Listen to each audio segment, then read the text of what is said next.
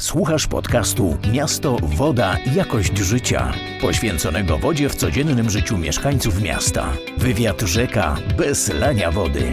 Zaprasza Michał Kudłacz i Krzysztof Kutek. Mamy marzec 2022 roku. Witamy Państwa. To jest podcast Woda, Miasto, Jakość Życia, który dotyka kwestii miasta. Z jednej strony najbardziej złożonej struktury antropogenicznej, z drugiej naturalnego współcześnie środowiska do życia człowieka oraz wody, zasobu, do którego przyzwyczailiśmy się, że jest, a o jego gospodarowaniu powinniśmy mówić coraz więcej i częściej. Na dzisiejszą rozmowę zapraszają Michał Kudłacz i Krzysztof Kutek. Jest z nami Piotr Ziętara, wieloletni prezes wodociągów miasta Krakowa, ale też człowiek wielu talentów, człowiek renesansu. E, wiceprzewodniczący Rady Izby Gospodarczej Wodociągów Polskich, przewodniczący Komitetu Sterującego Małopolskiego Klastra Wodnego, przewodniczący pierwszej i drugiej Rady Uniwersytetu Ekonomicznego w Krakowie, członek rad społecznych krakowskich miejskich zakładów opieki zdrowotnej. To może już, skoń, może już skończmy. Przemysłowo-handlowej. Piotrze, e, to dla nas zaszczyt, że przyjąłeś zaproszenie do naszego podcastu. Dzień dobry. Bardzo mi miło, bardzo mi miło uczestniczyć. E, zanim przejdziemy do kwestii podstawowych związanych z miejską gospodarką wodną, chciałbym zacząć od innej kwestii. E, trwa wojna na Ukrainie, wywołana przez rosyjskiego agresora. To specjalny czas, e, również dla nas, Polaków. Zdaliśmy egzamin z człowieczeństwa, dając Ukraińcom bezpieczeństwo, pomoc, odbudowując ich zaufanie do innych nacji.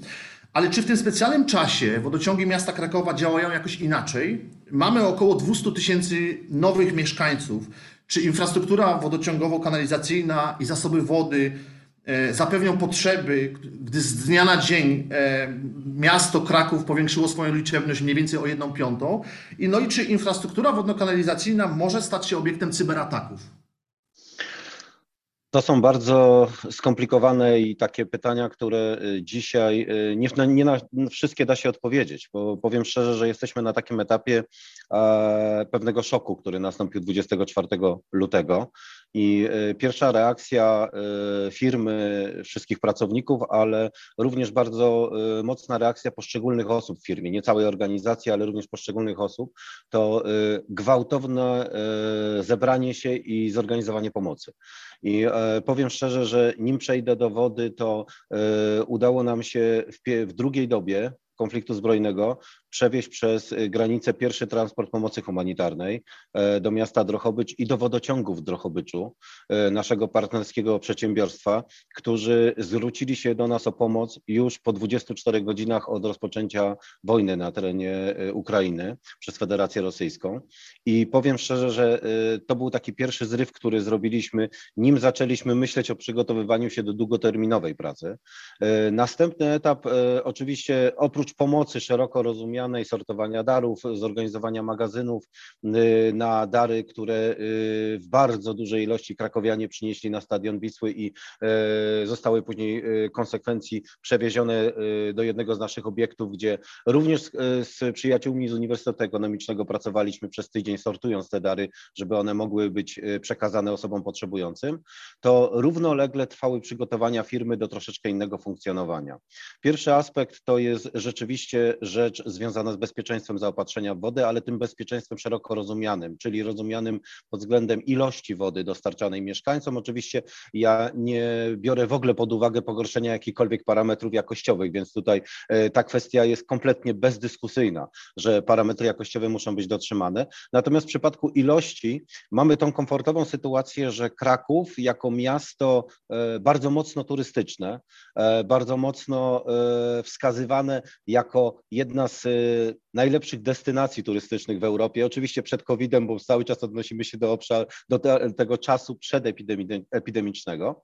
E, był przygotowany bez większego problemu i bez większego wysiłku na codzienne dostarczanie wody dla około miliona 150 miliona 200 tysięcy użytkowników usług i tak funkcjonowaliśmy zawsze. Tak? W czasie epidemii oczywiście spadek nastąpił zapotrzebowania, no bo naturalną koleją rzeczy zmniejszyła się liczba turystów, natomiast myśmy nie nie zaniechali procesów utrzymania takiej infrastruktury, która pozwoliłaby nam dla, tak, dla takiej ilości osób prowadzić zaopatrzenie w wodę. Stąd też dzisiaj 20%, tak jak teraz szacuje się w piku, że jest około 20% mieszkańców, już de facto mieszkańców naszego miasta więcej, zupełnie swobodnie sobie z tym poradzimy. System jest tak zbudowany, że sama produkcja opiera się o codzienną pracę zakładów produkcyjnych, ale również mamy pewien bufor e, w postaci zbiorników wody, uzdatnionej zbiorników wody pitnej, która nam pozwala na dwudobowe zgromadzenie zapasu dla całego miasta. W związku z tym e, jesteśmy w stanie stosunkowo elastycznie podejść do systemu zaopatrzenia i tu bym się kompletnie tym nie przejmował w kontekście wolumenowym, jak mówi się, naszej takiej gwarze, gwarze branżowej, czyli ilości wody, którą jesteśmy w stanie wyprodukować czy uzdatnić, mówiąc ładniej. Natomiast y, w aspekcie długoterminowego działania, to myślę, że y, ciekawym zjawiskiem będzie sezon turystyczny, tak jak on będzie wyglądał, czy pojawią się turyści tak jak pojawili się, y, pojawiali się przed epidemią i wtedy rzeczywiście może się zdarzyć tak, że będziemy mieć tą produkcję większą dobową niż wcześniej planowaliśmy. Na, mówiąc szczerze, w takie szczyty produkcji w sezonie turystycznym, kiedy mieliśmy około miliona dwustu tysięcy osób na terenie miasta korzystających z usług publicznych, przekraczały znacznie 200 tysięcy metrów sześciennych na dobę. E, normalny stan to jest 160-170 tysięcy metrów sześciennych na dobę. Natomiast e, myślę, że bez większego wysiłku jesteśmy w stanie 250 tysięcy również wody e, uzdatnić i do, wprowadzić do systemu dystrybucyjnego miasta, więc pod tym względem nie widzę żadnego zagrożenia. Natomiast Cyberbezpieczeństwo. Powiem, y, nie chcę tutaj wchodzić w szczegóły, bo nie bardzo też mogę, ale powiem tylko y, y, dosłownie w dwóch zdaniach, przedstawię jedną kwestię. Mianowicie nie, mało osób sobie zdaje sprawę, że myśmy pierwszy raz w historii jako państwo mieli ogłoszony stopień Charlie w zakresie zagrożenia w cyberbezpieczeństwa, czy w świecie cybernetycznym, czy w świecie cyfrowym. I trzeba mieć świadomość, że to zagrożenie niesie za sobą bardzo wiele procedur, które uruchamia się w takich instytucjach jak wodociągi miasta Krakowa, czyli instytucjach infrastruktury krytycznej. I e, bardzo duża grupa ludzi codziennie dużo więcej wkłada wysiłku w to, żeby wszystkie systemy były bezpieczne. Powiem też jeszcze jedną rzecz, która jest niezwykle istotna, że e, wcześniej, nim e, oczywiście pojawiły się sytuacje kryzysowe, był taki akt prawny, ustawa o cyberbezpieczeństwie, która e, wymuszała pewne działania związane z bezpieczeństwem systemów informatycznych, szeroko rozumianych, ja ich teraz nie definiuję, celowo nie definiuję tych systemów, w firmach tego typu i one musiały być specyficznie zorganizowane żeby zapewnić bezpieczeństwo procesów po jednej stronie produkcyjnych, a po drugiej stronie biznesowych.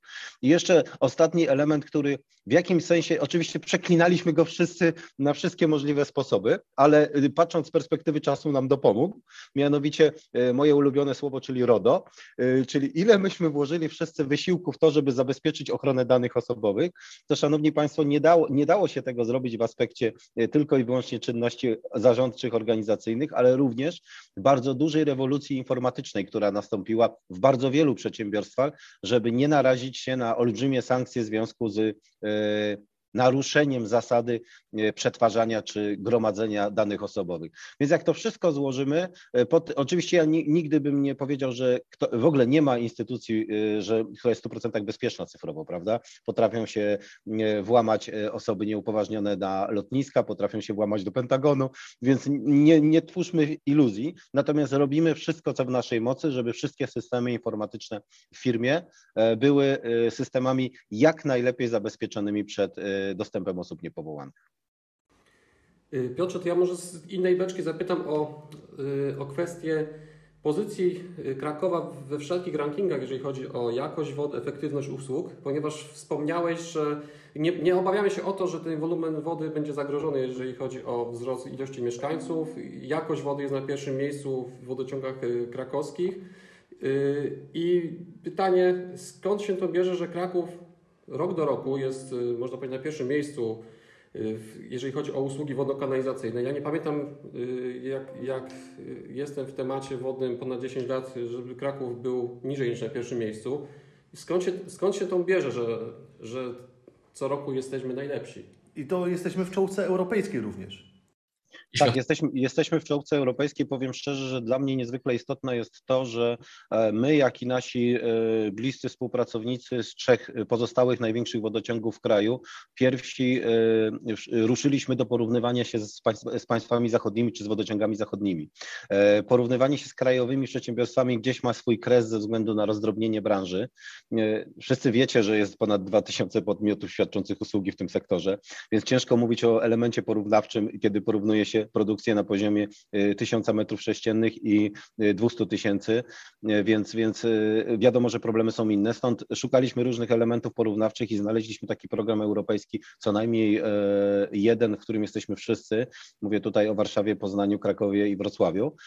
I bardzo mocno nam to pozwoliło również na usprawnienie u nas procesów zachodzących, ponieważ zobaczyliśmy, w których kierunkach branża też podąża w państwach zachodniej Europy.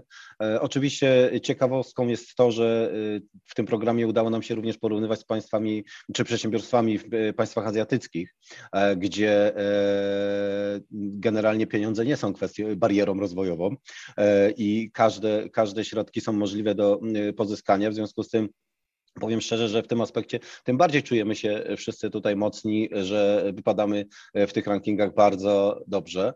Natomiast z czego to wynika? Powiem szczerze, że w przypadku Krakowa e, na to składają się czynniki z przeszłości i czynniki e, obecne. Te z przeszłości to jest bardzo racjonalne zaprojektowanie systemu zaopatrzenia w wodę miasta Krakowa.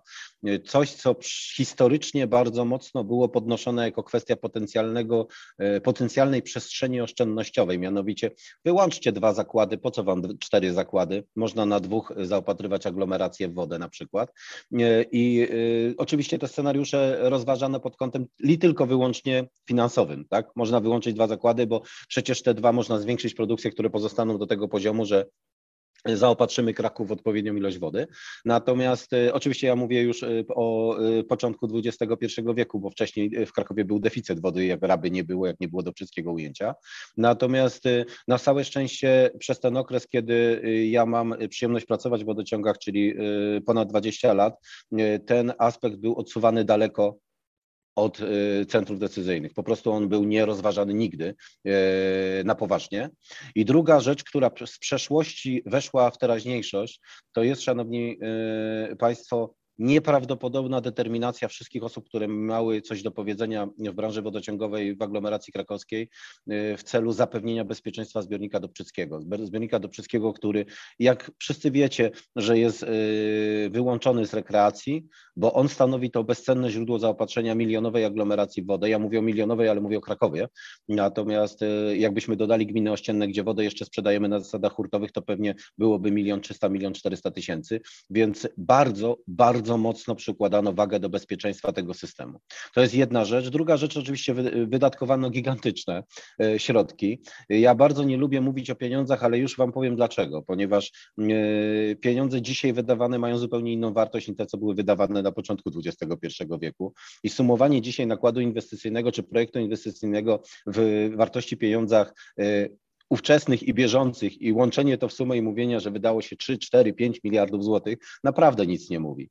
Łatwo sobie wyobrazić, że w Krakowie e, jednym z pierwszych dziesięciu projektów w ogóle e, przed akcesją Polski do Unii Europejskiej, mówię tu o narzędziach ISPOSKich, były takie finansowania przed, przed Funduszem Spójności, zrealizowano budowę oczyszczalni ścieków, która e, na ówczesne polskie pieniądze była warta 440 milionów złotych. Dzisiaj szacuje się, żeby zbudować taki obiekt, trzeba by wydać około 3 miliardów. Więc dlatego jestem przeciwny sumowaniu wartości i opowiadaniu, jakie to pieniądze nie wydatkowano, tylko co za to zbudowano. Więc y, powiem szczerze, że to jest y, jeden element, to te historyczne rzeczy. Drugi element to bardzo y, duża determinacja do poprawienia systemu zaopatrzenia w wodę w zakresie uzdatniania wody y, surowej, czyli tej wody, którą pobieramy, bo pobieramy trudną wodę, bo uzdatniamy wody powierzchniowe, prawda? W związku z tym e, usunęliśmy wszędzie e, chlor gazowy, nie ma chloru gazowego w systemie krakowskim, w ogóle nie ma chloru w systemie zaopatrzenia aglomeracji krakowskiej, co zasadniczo poprawiło parametry jakościowe wody pitnej. E, nie, pogorszyli, nie pogorszyliśmy bezpieczeństwa, bo zastosowaliśmy alternatywne, alternatywne rozwiązania w kontekście uzdatniania wody i dezynfekcji wody. Natomiast równocześnie bardzo mocno staraliśmy się promować, zbudować nową markę. Markę y, dobrej wody prosto z kranu w Krakowie. Markę wody pitnej, która jest dostępna na żądanie, odkręcając kran. I szanowni Państwo, powiem szczerze, że dla mnie to był pewien szok, jak bardzo mocno zaczęły rosnąć procenty mieszkańców, którzy tej wody korzystają bezpośrednio z kranu. Oczywiście mam, mieliśmy pandemię, czy mamy pandemię, już ciężko się teraz połapać, y, jak sytuacja wygląda w kwestii pandemii, ale y, mamy sytuację taką, że przed pandemią ostatnie badania, które robiliśmy na tysiącu ponad 200 gospodarstw domowych w Krakowie, pokazywały, że ponad 60% mieszkańców Krakowa pije wodę bezpośrednio z kranu. Czyli co za tym idzie, nie generuje odpadu, nie generuje butelek plastikowych i tak dalej. Oczywiście my nie konkurujemy z wodą e, leczniczą, e, wodą wysoce zmineralizowaną, natomiast e, wszystkie wody stołowe i kupowane w takich baniakach pięciolitrowych w różnych marketach, no szanowni Państwo, z jakością to, to powiem szczerze, może wielokrotnie nie mieć nic wspólnego, więc tutaj akurat w tym aspekcie myślę, że jesteśmy konkurencją i widać to znacząco, że zatrzymał się trend spadku per capita zużycia wody, a zaczęliśmy tą wodę używać też do innych celów, właśnie do takich celów, jak na przykład kupujemy sobie coś, co z, czasów mojego dzieciństwa było obowiązkowym elementem wyposażenia kuchni, czyli syfon. Dzisiaj coraz więcej osób ma syfon. Oczywiście on się już nie nazywa syfon, tylko nazywa się urządzenie do gazowania wody i ma swoje marki handlowe, ale staje się coraz częstszym wyposażeniem kuchni. Coś, co ja obserwowałem y, 10 lat wcześniej w krajach niemieckich. W krajach niemieckich, e, w Niemczech bardzo i w Austrii bardzo często ten syfon e, był elementem kuchni, a u nas przestał być, tak? No bo jakość była taka, y, która nie, nie pozwalała na, na picie y, wody, przynajmniej y, pod względem chloru, ona powodowała takie dosyć negatywne tutaj odczucia w ramach spożycia. Dzisiaj tego problemu nie ma. Wszyscy spożywamy wodę z kranu, ja też również spożywam wodę bezpośrednio, bezpośrednio z kranu. Również mam syfon, bo lubię wodę gazowaną. E, natomiast ilość żółtych worków, które wystawiam w zakresie odpadów jest nieporównywalna z tym, gdybym używał po prostu wody wody, butelkowanej. Więc to jest, to jest ten jeden z element, to jest ten jeden z elementów, który również troszkę ekonomicznie nas popycha do takich zachowań. Oczywiście świadomość konsumencka to jest inna sprawa. I ostatni element, który dlaczego jest, jest bardzo wysoko w rankingach, bo jest bardzo bezpiecznie. Ten system zbiorników, o których oczywiście w sytuacji, w której jesteśmy teraz wojny za naszą wschodnią granicą, nie jest najlepszym e, momentem na rozmawianie o systemie zaopatrzenia e, i bezpieczeństwie tego systemu, ale zbudowanie systemu, który posiada, posiada bufor kilkudniowego zaopatrzenia wody, który może można zgromadzić i zapewnić zaopatrzenie nawet w przypadku blackoutu, jest nieprawdopodobnie bezcennym zasobem e, tutaj w kontekście zarządzania ryzykiem. Więc e, to wszystko składa się i na całe postrzeganie i nie da się mówić o punktowym jakimś sukcesie. Sukces jest wtedy, kiedy holistycznie jest to odbierane jako system bezpieczny i o wysokich standardach jakościowych. I myślę, że dzisiaj jesteśmy takim e, systemem i jesteśmy tak również postrzegani, co jest najważniejsze przez naszych e, klientów, przez naszych odbiorców usług. Chciałem zapytać Cię o inny aspekt związany z e, wodą. Mam takie wrażenie, że woda już nie jest takim zagadnieniem specjalistycznym, to jest zagadnienie ogólnospołeczne. I to, co spowodowało takie większą świadomość i potrzebę uczestniczenia w takim rozmowach, debatach społecznych dotyczących wody, to są szeroko rozumiane i odmieniane przez wszystkie przypadki kryzysy wodne również, można czytać e, już taką pracę publicystyczną i że nadchodzą wodne kryzysy i to nie jest pytanie czy, tylko pytanie kiedy. Z drugiej strony mówi się, że każde miasto ma swój własny kod DNA, jest niepowtarzalne i, i pod względem cech fizycznych i pod względem polityki e, miasta. No więc powstaje pytanie, czy miasta w Polsce są skazane na kryzysy wodne, czy możemy mówić, że wszystkie miasta rzeczywiście i że wody okresowo będzie za dużo, a okresowo będzie jej za mało. E, czyli to jest takie pytanie, co Twoim zdaniem czeka polskie miasta w kontekście e, kryzysów wodnych? Jeżeli te kryzysy rzeczywiście mają nadejść, no to pytanie, jak mamy się przygotowywać do ich nadejścia? Czy jesteśmy na nie przygotowani organizacyjnie? Ale to jest pytanie do Ciebie jako specjalisty, ale to jest też pytanie do obywateli. Czy na przykład obywatele oszczędzają wodę, czy są dobrze wyedukowani, co robić, e, jak na co dzień gospodarować zasobami wody, ale co, co robić w sytuacjach kryzysowych, takich prawdziwych kryzysów wodnych, co, czy urzędnicy są wyedukowani, czy uniwersytety, czy liderzy społeczności lokalnych, czyli krótko mówiąc, co czeka polskie miasta i jak się przygotowywać do tego, co nadejdzie. Znaczy myślę, że pytanie, y, czy będą kryzysy, już jest nieaktualne, bo kryzysy już są y, wodne. Y, pamiętacie sierpień zeszłego roku w Krakowie? 103 litry na metr kwadratowy opadu, który spowodował zalanie praktycznie części południa Krakowa w kontekście cieków otwartych, rowów. Po prostu była ilość wody, która była niemożliwa do przyjęcia i odprowadzenia.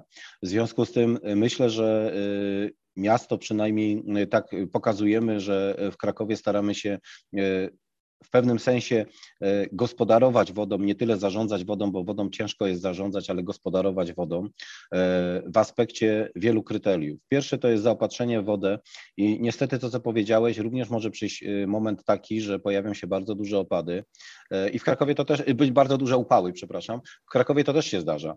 I wszyscy po południu wrócą do domu i będą chcieli podlewać trawniki, korzystać z wody w bardzo dużej ilości.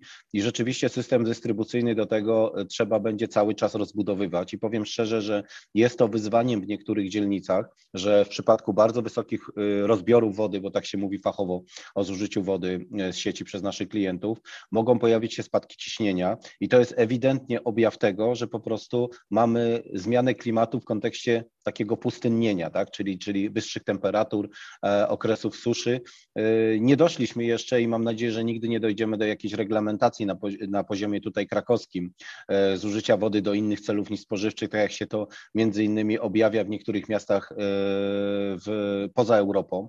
Powiem szczerze, że miałem e, przyjemność, czy nieprzyjemność, ale raczej to traktuję jako przyjemność, być w Kapsztadzie w czasie największego kryzysu wodnego.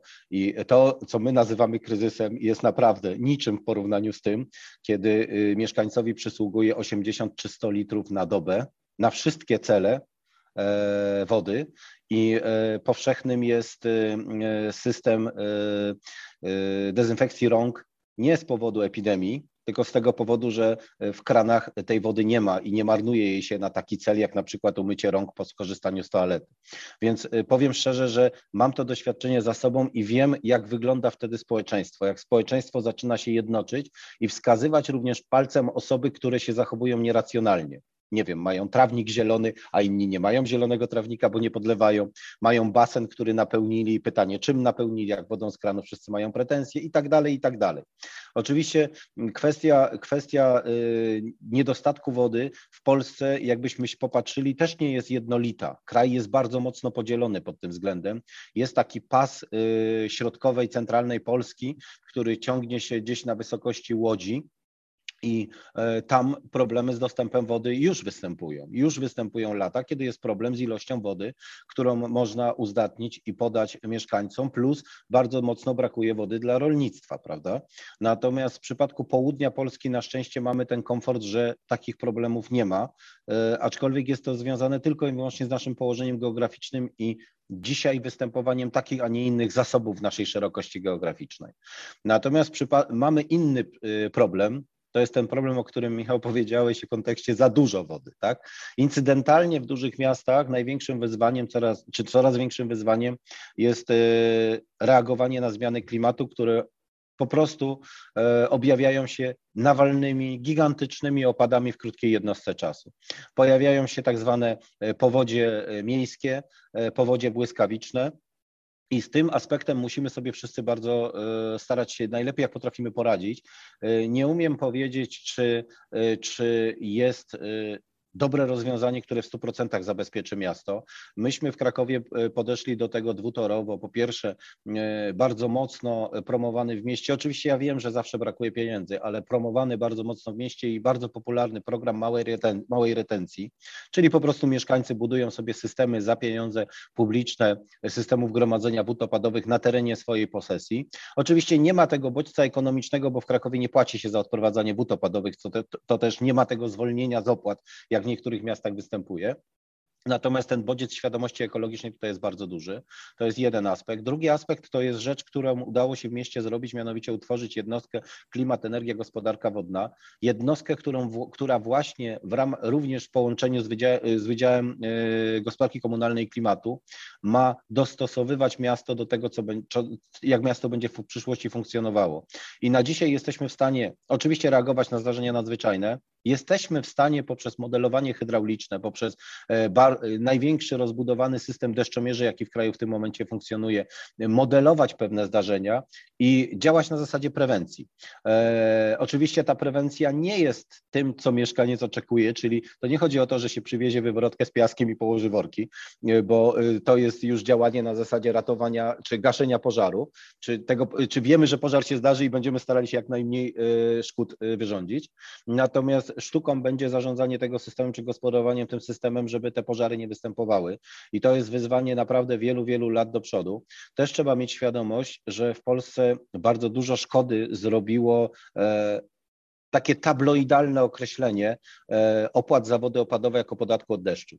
E, coś, co wszędzie w Europie funkcjonuje jako normalna opłata za korzystanie z infrastruktury, u nas zostało potraktowane jako płacenie za coś, co natura daje, czy, czy y, jakaś siła wyższa daje i jest to dla nas rzecz oczywista i darmowa. No niestety tak nie jest, ponieważ odprowadzenie tych wód z naszych posesji musi być y, realizowane poprzez profesjonalne systemy. Zarurowane, niezarurowane, różne, tak? Y, oczywiście retencjonując ile się da i tak dalej, ale nie ma nic za darmo i zawsze ktoś za to płaci. Oczywiście większości jest to płacone z podatków, które płacimy lokalnie, e, czyli finansowane jest z budżetów gmin. Powiem szczerze, że, że ten system jest też średnio sprawiedliwy, bo nie wszyscy mamy działki, e, nie wszyscy mamy domy e, i nie wszyscy równomiernie obciążamy system wodami opadowymi, więc nie ma sprawiedliwego rozwiązania w tym zakresie, ale myślę, że ten system będzie na pewno modyfikowany. Być może będzie powiązany gdzieś w przyszłości z jakimś rozwiązaniem taryfikacyjnym, aczkolwiek jest bardzo duży opór społeczny wobec, wobec tego zjawiska, a z drugiej strony oczekujemy, że przy zmianach klimatu my będziemy w stanie bardzo szybko reagować. Na to są potrzebne gigantyczne pieniądze. Naprawdę gigantyczne. W przypadku miasta mówimy o miliardowych kwotach, nie, nie 10 czy 100 milionowych, tylko miliardowych kwotach. Zresztą jakbyście zobaczyli, ile kosztuje czyszczenie krótkiego odcinka rzeki płynącej przez miasto, e, to zobaczylibyście kwoty z wieloma, wieloma zerami. I, e, I to nie w rublach. E, nie, I nie w rublach, tak, nie, nie w rublach. Nie mówimy o 20 zł w milionach rubli, tak. Natomiast e, e, sytuacja, sytuacja jest pod tym względem bardzo skomplikowana. I ostatnia rzecz, która wiąże się z zarządzaniem zmianami klimatu, czy, czy zarządzaniem w ogóle zużywaniem wody, szczególnie wody pitnej, to Powiedziałeś o oszczędzaniu. Ja bym to nazwał racjonalnym zużyciem. To nie chodzi o to, że ktoś się nie myje, bo oszczędza wodę, tylko na przykład zmienia nawyki. Zakręca wodę myjąc zęby i bierze prysznic, nie, nie kąpiąc się codziennie w wannie, tylko bierze sobie prysznic i jest tej wody zużycie dużo niższe. E, oczywiście on to widzi wtedy na rachunkach, bo to jest bodziec ekonomiczny, prawda? Ale również ten aspekt dzieje się w skali makro, w skali przemysłowej.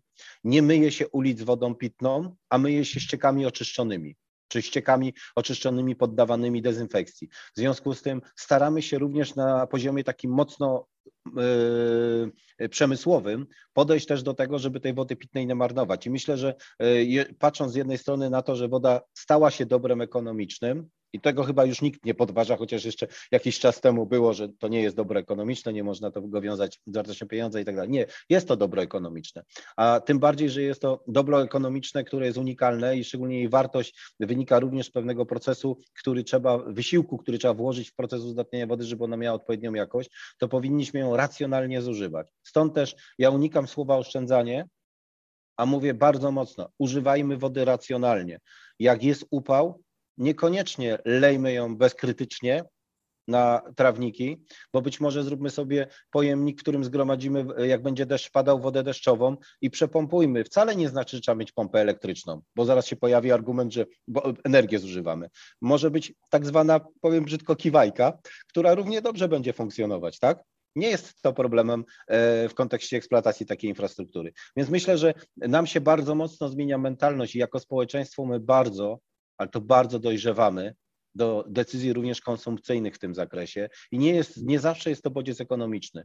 Wielokrotnie jest to związane z naszym dalszym rozwojem cywilizacyjnym. My zaczynamy widzieć rzeczy, których jeszcze kilka lat temu nie widzieliśmy. No najlepszym przykładkiem są siatki foliowe czy reklamówki, mówiąc po krakowsku, y, dawane w sklepach. Zobaczcie, jak, jak się zmieniła optyka podchodzenia do tego, tak? Nie było tutaj, oczywiście bodziec ekonomiczny się tutaj pojawił, ale dzisiaj y, coraz częściej sami rezygnujemy z pewnych elementów, bo po prostu uważamy, że to no, nie wypada, tak? Bo wszyscy widzą, że zachowujemy się nieracjonalnie ze względu na takie zwykłe nasze nawyki konsumpcyjne. Trzy rzeczy, które chciałem wyciągnąć y, przed nawias. Po pierwsze, jeśli mówimy o tym, że wody okresowo będzie za mało i trzeba wodą racjonalnie gospodarować, mam wrażenie, że tutaj jedną z kluczowych kwestii jest cena wody y, za metr sześcienny, bo zbyt niska cena nie zmusza ludzi do oszczędzania, nie wychowuje społeczeństwa e, odpowiedzialnego. E, e, to jest jedna rzecz.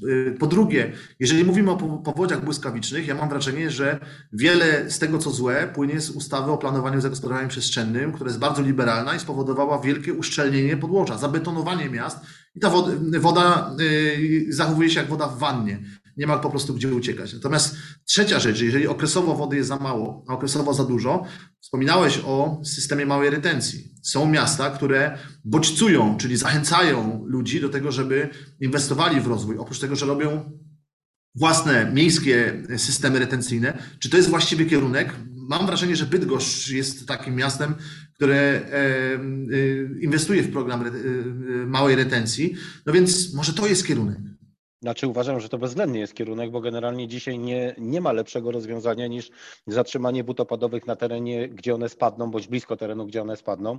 Oczywiście ostatecznością jest to, co nazywamy systemami zarurowanymi, czyli odprowadzenie do rzeki, a później do Bałtyku, e, ponieważ e, z reguły w przypadku takich rzeczywiście nawalnych deszczy, no w przypadku Krakowa oczywiście to jest liczba 100 litrów na metr kwadratowy, kiedy 75 litrów spada w lipcu w całym miesiącu, e, więc 100 litrów spada w ciągu jednego dnia czy w ciągu kilku godzin, powoduje to, że nawet ta rzeka nie jest w stanie przyjąć e, tej ilości wody. Natomiast jak najbardziej retencja we wszystkich możliwych e, formach. Mała retencja, retencja indywidualna, konsumencka tak zwana, czyli klient decyduje się na zagospodarowanie swojej działki, po pierwsze usuwając utwardzenie powierzchni, czyli inaczej mówiąc staje się ta działka przepuszczalna i gromadzi w jakimś zbiorniku wodę do celów, na przykład podlewania, utrzymania utrzymania zieleni, utrzymania czystości. To jest jak najbardziej kierunek. Oczywiście miasta, e, budowanie systemów retencyjnych i wykorzystywanie tej wody ponownie do na przykład mycia ulic, utrzymania terenów zielonych i tak dalej Oczywiście gdzieś budzą się wątpliwości, co z tych dróg spłynie, jeżeli ta woda, jeżeli ta woda dostanie się do tego zbiornika. Wiadomo, że pierwszy spływ jest zanieczyszczony y, bardzo mocno, tak? Więc to jest kwestia mądrego y, zbudowania tych instalacji. Natomiast zachęty ekonomiczne, y, myślę, że tutaj aspekt, aspekty są dwa. Pierwszy aspekt, jeżeli nie ma opłaty, żadnej opłaty za wody opadowe, to y, bodźcem ekonomicznym jest niezużywanie wody pitnej i niepłacenie za ścieki również, równolegle do tego e, procesu. Mianowicie y, dawanie pieniędzy na taki zbiornik, y, którego wodę się, wodę się gromadzi i w, miastach takie systemy funkcjonują, w Krakowie ten system funkcjonuje z dużym powodzeniem. Natomiast oczywiście kwestia jest, że można ten, te bodźce pogłębić. Gdyby była opłata, można z tej opłaty zwolnić, czy całościowo, czy częściowo, prawda? No niestety nie, te, to jest incydent incydentalne zjawisko w Polsce, że taka opłata y, strukturalnie jest, y, strukturalnie jest naliczana. Natomiast wracając Michał do tego, co powiedziałeś drugiej rzeczy, kwestii taryfy, e, to jest temat, który, który pojawia się w dyskusjach w całej Europie, na wszystkich konferencjach, gdzie się pojawiam. Zawsze pojawia się prelegent, który mówi, że woda powinna być tania i pojawia się drugi prelegent, który w kontrze mówi, że woda powinna być droga. E, więc e, nie ma dobrego rozwiązania, tak? Y, mamy inicjatywę europejską y, Right to Water, czyli prawo do dostępu do wody pitnej i ciężko sobie wyobrazić, że y, cena może być barierą, która uniemożliwi dostęp do wody pitnej. To jest jeden element, jedna strona medalu. Ale jest druga strona medalu i tutaj masz 100% racji. Jeżeli będziemy hołdować powiedzeniu naszych dziadków i rodziców tanie jak woda, to nie będziemy tej wody szanować, tak? Więc generalnie woda jako dobro ekonomiczne powinna mieć określoną cenę. Ta cena musi być akceptowalna na poziomie takim, że e, potrafimy tą cenę płacić za dostawę wody i odbiór ścieku. Dzisiaj jest przyjęte, że nie może to przekraczać 3% dochodu rozporządzalnego gospodarstwa domowego. Myśmy notabene zde zdeklarowali się do tego typu obciążeń na poziomie traktatu akcesyjnego, jak wchodziliśmy do Unii Europejskiej. Natomiast oczywiście moglibyśmy tutaj akademicko długo dyskutować, jak wyliczyć rozporządzalne obciążenie dochodu per capita, nie znając ilości mieszkańców miast, która jest mocno wątpliwa, e, bo e, mamy, jeżeli mamy odchylenie 30%, to te nasze wyliczenia są mało rzetelne. No ale, ale te, te, te, o tym moglibyśmy dyskutować w osobnym trybie i tylko o tym, e, ile nas jest i ile, ile tej wody zużywamy w dużych miastach, bo moim zdaniem jest nas dużo więcej, zużywamy jej per capita dużo mniej niż podajemy w statystykach. E, I w Krakowie szacujemy, że to jest około 30% w ogóle różnicy, a 30% to już nie jest drobne odchylenie czy, czy błąd statystyczny, tylko to po prostu wywraca do góry nogami statystykę. Czyli jest nas 30% więcej? Zgodnie... E, użytkowników usług my szacujemy codziennie na poziomie powyżej miliona stu tysięcy w Krakowie. E, zresztą to nie tylko woda jest, to są odpady, to jest komunikacja i tak dalej. E, no popatrzcie też na inną rzecz, jeżeli do miasta wjeżdża według rzetelnych pomiarów 250 tysięcy samochodów dziennie, i e, jedna osoba w samochodzie, tak? To już ja już nie, to jest żadna wysoka matematyka. To do 800 tysięcy mieszkańców dodać 200 tysięcy robi nam się milion. E, zakładam, że część tych aut przejeżdża tylko, tak? Natomiast jest też wiele, wiele osób, które w Krakowie po prostu funkcjonują nie wjeżdżając i wyjeżdżając. Mam tu na myśli studentów, uczniów, pacjentów szpitali, turystów. E, turystów, jak jest dobrze, w sensie jak jest e, dobrze, w sensie nie ma pandemii, jest normalnie na świecie, no to Kraków jako ta destynacja bardzo popularna e, jest obciążony 70 do 100 tysiącami mieszkańców dziennie dodatkowych. I łatwo pokazać, że to jest w normalnych warunkach 10% populacji, prawda? I na te 10% też musimy być przygotowani. Więc y, y, takie rozważania prowadzimy, bo y, wracając do tych pierwszych pytań, jak sobie radzimy z, z uchodźcami i z ilością uchodźców w Krakowie, my musimy być przygotowani de facto na każdą ilość mieszkańców. Dopóki system dystrybucyjny puszcza, myśmy powinni wodę uzdatniać do takiej ilości, na jakie jest, zgłaszany jest popyt. Tak? Natomiast y, Myślę, że nie, nie, grozi nam sytuacja jakiegoś zachwiania w tym zakresie, że nie będziemy w stanie y, uzdatnić wody w takich ilościach. Także myślę, że, że kierunki nie są jednoznaczne i nie są na tyle ostre, jakby, jakby się mogły, mogły wydawać na pierwszy rzut oka. Natomiast y, y, na pewno kryzysy wodne, jeszcze wracając tylko jednym zdaniem, na pewno kryzysy wodne już są, bo wszyscy widzimy, że się klimat zmienia. I opowiadanie, że to są incydentalne zmiany, bo na przykład zima była śnieżna, czy że zima była y, zimna, tak jak być powinna, wcale nie znaczy, że wróciliśmy do normy, bo nie wiemy, jak będzie lato wyglądało i może się okazać, że w lecie, tak jak w zeszłym roku, y, no oczywiście odpukując, bo, bo, bo nikt by nie chciał drugi raz tego przechodzić, y, znowu pojawi się taki sierpień, który wywrócił do góry nogami funkcjonowanie części miasta na kilka ładnych tygodni ze względu na porządkowanie po, po powodzi takiej miejskiej a nie chcę być złym prorokiem, ale widzieliście, co było w Niemczech w zeszłym roku. Tam była, tam był Armagedon, tam była katastrofa przez duże K. To nie była powódź lokalna, tam był 97 rok Polski w zeszłym roku. To jeszcze myślę, że ostatnie pytanie, ja bym chciał wybiec w przyszłość. Mam nadzieję, w przyszłość, która się nie wydarzy. Yy, I wyobraźmy sobie, że woda staje się dobrem luksusowym, jak, jak szampan, przerysowując. I czy to może spowodować, że na rynek wodny wejdą inwestorzy, którzy tą cenę wody będą podbijać? I czy może remedium na, na zapobieganie takiemu kryzysowi może być recykling wody i odzysk wody z wody zużytej i uzatnianie jej do tego poziomu jakości, który pozwoli nam pić tą wodę odzyskaną? Czy, czy Piotrze, czy widzisz, widzisz coś takiego, że coś takiego może się wydarzyć, czy, czy to jest w ogóle możliwe? Znaczy, powiem tak, y, to co mówisz jest jak najbardziej możliwe. Jest, y, oczywiście jest druga kwestia, o której wcześniej Michał wspominał, czyli cena. W momencie, kiedy jest deficyt wody, łatwo sobie wyobrazić, że będziemy każdą wodę próbowali uzdatnić. E, każda woda de facto nadaje się do uzdatnienia. Oczywiście jest druga strona medalu, ile to będzie kosztować. Każdy płyn można przepuścić przez procesy odwróconej osmozy i uzyskuje się produkt, który po nasyceniu niezbędnymi minerałami można e, dostarczać jako wodę e, pitną. Natomiast to, że będzie kosztował 100 zł za metr sześcienny, no to też łatwo sobie wyobrazić, prawda? Więc myślę, że tutaj są dwa kierunki. Pierwszy kierunek to jest ten, który zapoczątkowaliśmy w oczyszczalni ścieków płaszów, czyli odzysku ścieków oczyszczonych, nie marnujmy tego, co spływa do rzeki i płynie do Bałtyku jako woda słodka, tylko użyjmy tego do celów życia miasta, tej, tej, utrzymania tkanki miejskiej. Od czystości pozieleń to to jest ten, ten element, który powinniśmy stosować i stosujemy już dosyć, dosyć yy, skutecznie. Yy, oczywiście tutaj jest konieczna współpraca partnera drugiego, czy dwóch partnerów. Jednym jest yy, akurat w przypadku Krakowa, ale każde miasto ma taką spółkę. To jest spółka zajmująca się uczestniczaniem czystości, czyli MPO krakowskie w naszym przypadku i Zarząd Zieleni jako partner zajmujący się zielenią po drugiej stronie. I to, są te, to jest ten element.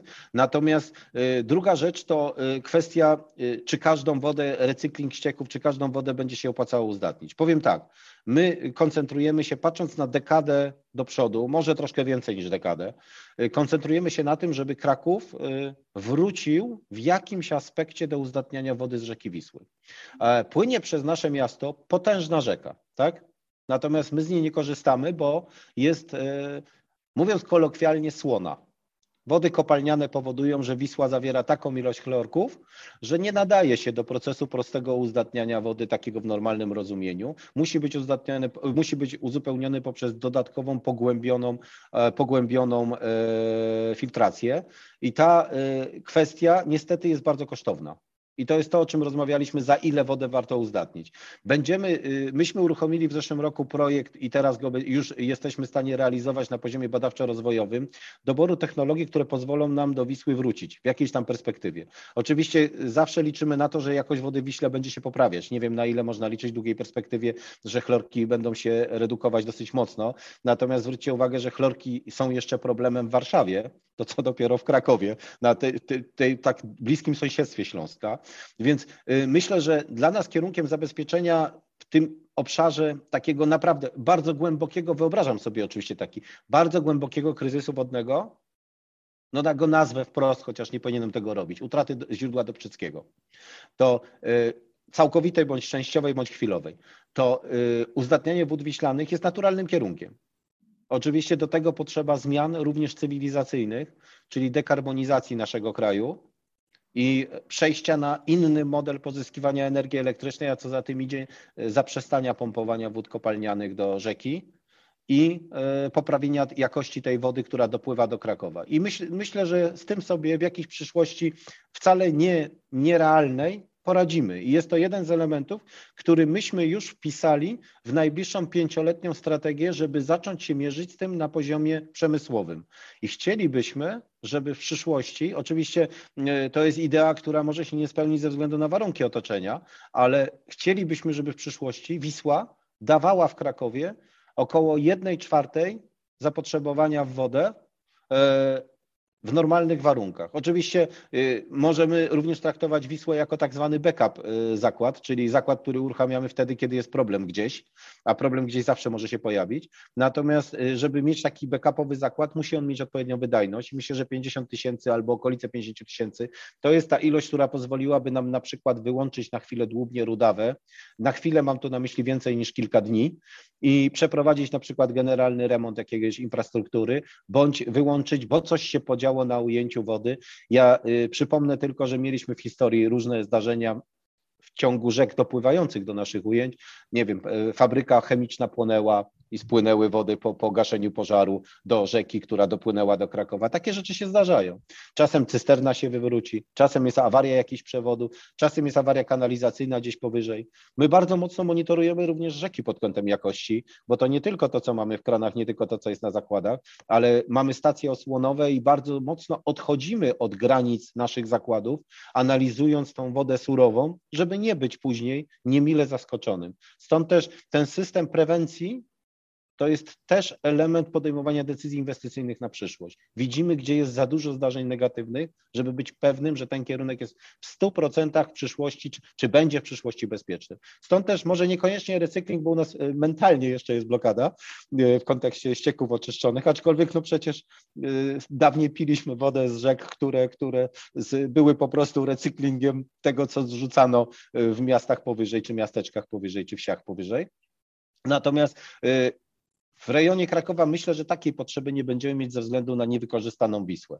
Natomiast nie, nie wykluczam takich zdarzeń w Polsce, w innych miejscach, bo nie będzie takiej alternatywy. Nie wszędzie jest e, Wisła i Odra jako duże źródła e, wody pitnej, czy potencjalnej wody do uzdatniania. Jest wiele miejsc, gdzie po prostu albo rzeki nie ma, albo rzeka jest o takim małym potencjale, że ona nie pozwala opierać na, nią, na niej systemu zaopatrzenia w wodę, który na końcu zawsze ma, i to pamiętajcie zawsze, na końcu ma zawsze najwyższą możliwą, zgodną z normami polskimi i europejskimi jakość, bo inaczej nie wolno o tym mówić, że jest to system zbiorowego zaopatrzenia w wodę. Jeśli nie ma jakości, nie ma znaczenia, czy jest ilość, czy jest ciśnienie. Jakość jest przede wszystkim, dopiero później są pozostałe kryteria.